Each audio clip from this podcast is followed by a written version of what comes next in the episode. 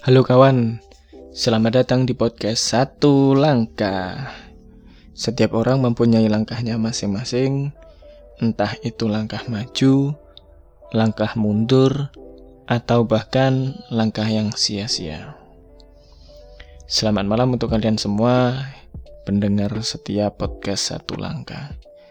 Untuk malam ini, kayaknya kita lanjutin yang kemarin ya Kemarin kita sempat terpotong gara-gara kecapean saya. Hmm, kemarin di episode sebelumnya di akhir di penutup saya sempat dengerin lagu. Coba cek, coba deh kalian lihat kemarin saya sempat ngasih sebuah lagu di akhir yang menurut saya lagu itu uh, akhir-akhir ini sangat ya sangat sering didengarkan terutama untuk usia-usia kita. Usia-usia apa ya? Biasalah orang yang dengerin podcast usianya seberapa kan pasti sudah bisa dianalisis sama kalian sendiri. Uh, ya kemarin lagunya berjudul secukupnya. Lagu itu kemarin pertama kali saya denger pas nonton film NKCTHI ya. Sebelumnya saya memang sudah tahu bukunya, buku NKCTHI. Eh, terus saya lihat filmnya kok lumayan ngena uh, dan lagunya pas saya dengerin, uh, ngena juga. Apalagi kalau didengerin uh, pakai audio yang bagus, pakai earphone yang jelas dan bassnya ngena, uh mantap pokoknya. Hmm, film NKCTHI itu menceritakan tentang keluarga. Setiap keluarga pasti punya rahasia. Intinya seperti itu. Dan di situ uh, mengisahkan antar apa ya sebuah keluarga yang disetting bahagia oleh papanya Papanya benar-benar nggak mau ngelihat setiap anggota keluarganya itu bersedih. Maka dari itu, mereka semua dipaksa untuk bahagia. Alasannya, papanya pernah merasakan kesedihan yang sangat mendalam dan dia tidak mau setiap anggota keluarganya merasakan hal yang sama. Maka dari itu, dia memaksa setiap orang untuk bahagia dengan caranya sendiri. Padahal faktanya bukan cuma di film itu. Sebuah kebahagiaan itu datangnya tidak bisa diminta ataupun direncanakan. Yang pasti kebahagiaan itu datangnya secara refleks. Setiap orang pasti punya kesedihan dan kebahagiaannya masing-masing. Di situ menceritakan ketiga anaknya yang diatur nanti harus sekolah di sini, eh, keluar harus seperti ini, harus ngelakuin ini supaya apa? Ya maunya sih supaya bahagia, sebahagia, semuanya tertata rapi. Padahal apalagi anak muda, kita semua sudah merasakan. Kita pengen pikiran kita bebas. Dan satu hal yang saya petik dari hal-hal tadi itu, setiap orang pasti ingin kebahagiaannya. Setiap orang ingin meraih kebahagiaannya dengan cita-cita yang diharapkan.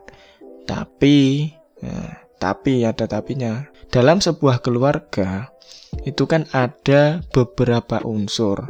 Ada orang tua dan ada anak. Yang membesarkan anak ya oh, memang sih orang tua. Maka dari itu, setiap orang tua pasti punya cita-cita. Tapi kan belum tentu cita-cita anak ini sama seperti cita-cita orang tua. Maka dari itu, saya pernah dengerin sebuah quotes di Instagram, saya lupa akunnya. Pokoknya intinya gini, orang tua punya cita-cita, tapi tak boleh menghalangi cita-cita anaknya. Nah, pasti pada kena. Yang sekarang lagi mengalami quarter life crisis. Eh, kemarin sudah kita bahas yang usianya nggak jauh dari 25 tahun. Banyak dari kita yang mungkin sedang menghadapi keadaan tapi tidak sesuai dengan harapan. Banyak yang merasakan kesedihan. Oh, untuk yang masih belajar pasti merasakan khawatir. Nanti setelah aku lulus, aku mau ke mana? Hidupku cuma gini-gini aja. Yang benar-benar sudah lulus, ngerasakan. Ngerasakan setelah wisuda bahagia. Ah, bahagianya sesaat. Jadi pengangguran, mau ngelanjut ditolak perguruan tinggi yang diharapkan, mau kerja ditolak sama perusahaan, ada kerjaan sampingan tapi bayarannya nggak seberapa, nggak cukup buat makan, apalagi buat traktir pacar ada, nggak cukup. Pasti pada frustasi. Bahkan rumah sendiri yang seharusnya rumah menjadi tempat yang paling ternyaman bisa menjadi sebuah neraka untuk kita yang sedang merasa berada di posisi quarter life crisis mau pulang di rasani tetangga karena pengangguran sekolah tinggi-tinggi gak jadi apa-apa gak pulang gak bisa makan di rumah cuma diem aja, sumpah, beban pikiran, ya itu semua pasti akan merasa saat orang-orang berada pada posisi bawah. Pengalaman menentukan bagaimana keadaan kita ke depan. Pengalaman menentukan bagaimana keadaan kita saat membutuhkan. Jika kita memiliki pengalaman yang banyak, maka eh, kita bisa menjadi suatu pribadi yang kuat mau ke mana-mana sudah tahu oh ini jalannya seperti ini maka dari itu untuk kalian semua yang masih mencari pengalaman terutama untuk yang masih menempuh pendidikan cari pengalaman yang banyak jangan dilihat dari sudut pandang saja tapi coba menjadi orang lain cari pengalaman kepada orang-orang yang sudah memiliki pengalaman yang banyak kita ambil hikmahnya, kita belajar banyak. Supaya apa ya? Supaya nanti saat kita membutuhkan, kita tahu, oh orang itu seperti ini pernah merasakan jalan keluarnya. Kita tahu karena sudah pernah diceritakan. Ya itu tadi, quarter life crisis. Setiap orang mempunyai krisisnya masing-masing tadi pas saya mau uh, tadi pas saya baru buka Instagram kebetulan ada satu akun media sosial Instagram tentang mahasiswa yang menceritakan ini juga wah pasti saya yakin ngena untuk teman-teman. Ya ya meskipun di situ TikTok intinya gurauan. Tapi faktanya ya memang kayak gitu. Pasti yang banyak frustasi. Tapi ya tetap, yang penting dilakukan aja. Pasti dari kalian yang sedang mengalami hal-hal tersebut, dengerin lagu itu ah. Kenanya di sini lagu Kapan terakhir kali kamu dapat tertidur tenang? Kalian yaitu sedang benar-benar krisis, sedang berharap tentang sebuah ketenangan, istirahat yang benar-benar tenang, nggak perlu memikirkan tentang apa yang akan datang di esok hari. Intinya kan seperti itu. Ya, kita saling sama-sama menyemangati aja lah ya. Intinya itu nggak semua bisa dicari jawabannya sekarang. Ada beberapa hal yang memang membutuhkan waktu termasuk tentang kehidupan. Kalau semua bisa didapatkan sekarang, prosesnya nanti nggak ada. Kita nggak tahu gimana rasanya sedang berada di bawah. Tapi ya, setiap keadaan pasti ada hikmahnya. Salah satu cara untuk kita bisa mengambil hikmah dari orang lain yaitu coba deh saat kita benar-benar merasa di bawah, coba keluar. Coba lihat bagaimana lingkungan kita. Saya pernah merasakan bahwa wah, saya benar-benar di bawah posisi yang membuat kepala ini nyut-nyutan pokoknya. Saya keluar melihat keadaan lingkungan, ternyata masih banyak orang yang lebih membutuhkan, orang yang posisinya lebih mengenaskan Maka dari itu, setidaknya dengan melihat orang lain yang berada posisi lebih bawah dari kita, itu akan menjadi sebuah pelajaran bahwa kita ini sebenarnya belum apa-apa. Kita ini sebenarnya masih bisa bangkit. Buktinya orang lain itu yang posisinya lebih bawah dari kita bisa bangkit. Kenapa kita enggak? Kan seperti itu. Coba deh baca beberapa kisah para tokoh yang sekarang sudah berhasil. Pasti mereka pernah mengalami krisis. Salah satu tokoh idola saya aja, Jack Ma. Berapa kali ditolak sama perusahaan. Buktinya, sekarang perusahaannya dia yang banyak. Kan gitu. Jadi, kadang keadaan sulit bisa membuat orang bisa berpikir kreatif. Kalau saya gagal di sini, saya mau berhasil. Caranya pasti ada. Diem, cari tahu jawabannya. Jadi memang kadang orang membutuhkan suatu hal yang terdesak.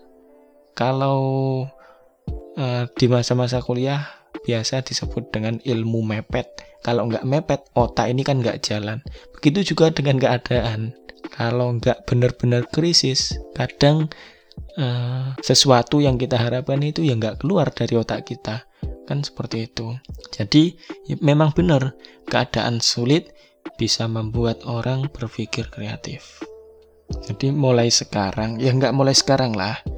Kita harus membiasakan diri tentang pedihnya penat. Karena semua itu cuma ilusi Nah, kembali ke sudut pandang. Setiap kegagalan, kalau kita melihat itu sebagai suatu hal yang gagal, ya kita memang gagal. Tapi kalau kita lihat dari sudut pandang yang lain seperti episode sebelumnya kemarin, ya itu adalah salah satu jalan yang bisa membuat kita berhasil. Itu semuanya kan ilusi. Hmm. Kalau kita merasakan bahwa itu adalah jalan yang untuk kita berhasil, ya semoga saja kita benar-benar berhasil. Cuma hmm, keberhasilan tidak bisa dihitung dengan nominal. Hmm. Keberhasilan setiap orang berbeda-beda. Keberhasilanku belum tentu dengan keberhasilanmu. Ibaratnya, setiap orang kan memang diciptakan berbeda-beda. Hmm, hmm, ada yang diciptakan digambarkan dengan rumput, ada yang diciptakan digambarkan dengan pohon kelapa. Rumput nggak mungkin bisa jadi pohon kelapa, pohon kelapa juga nggak bisa jadi rumput. Tapi rumput bisa melihat pohon kelapa. Pohon kelapa juga bisa melihat rumput. Rumput bisa berhasil dengan kerumputannya. Pohon kelapa bisa berhasil dengan kepohonan kelapanya, dengan pohon yang kuat, buah yang lebat kan seperti itu. Kalau untuk bertarung ya nggak bisa. Hidup ini bukan sebuah pertarungan.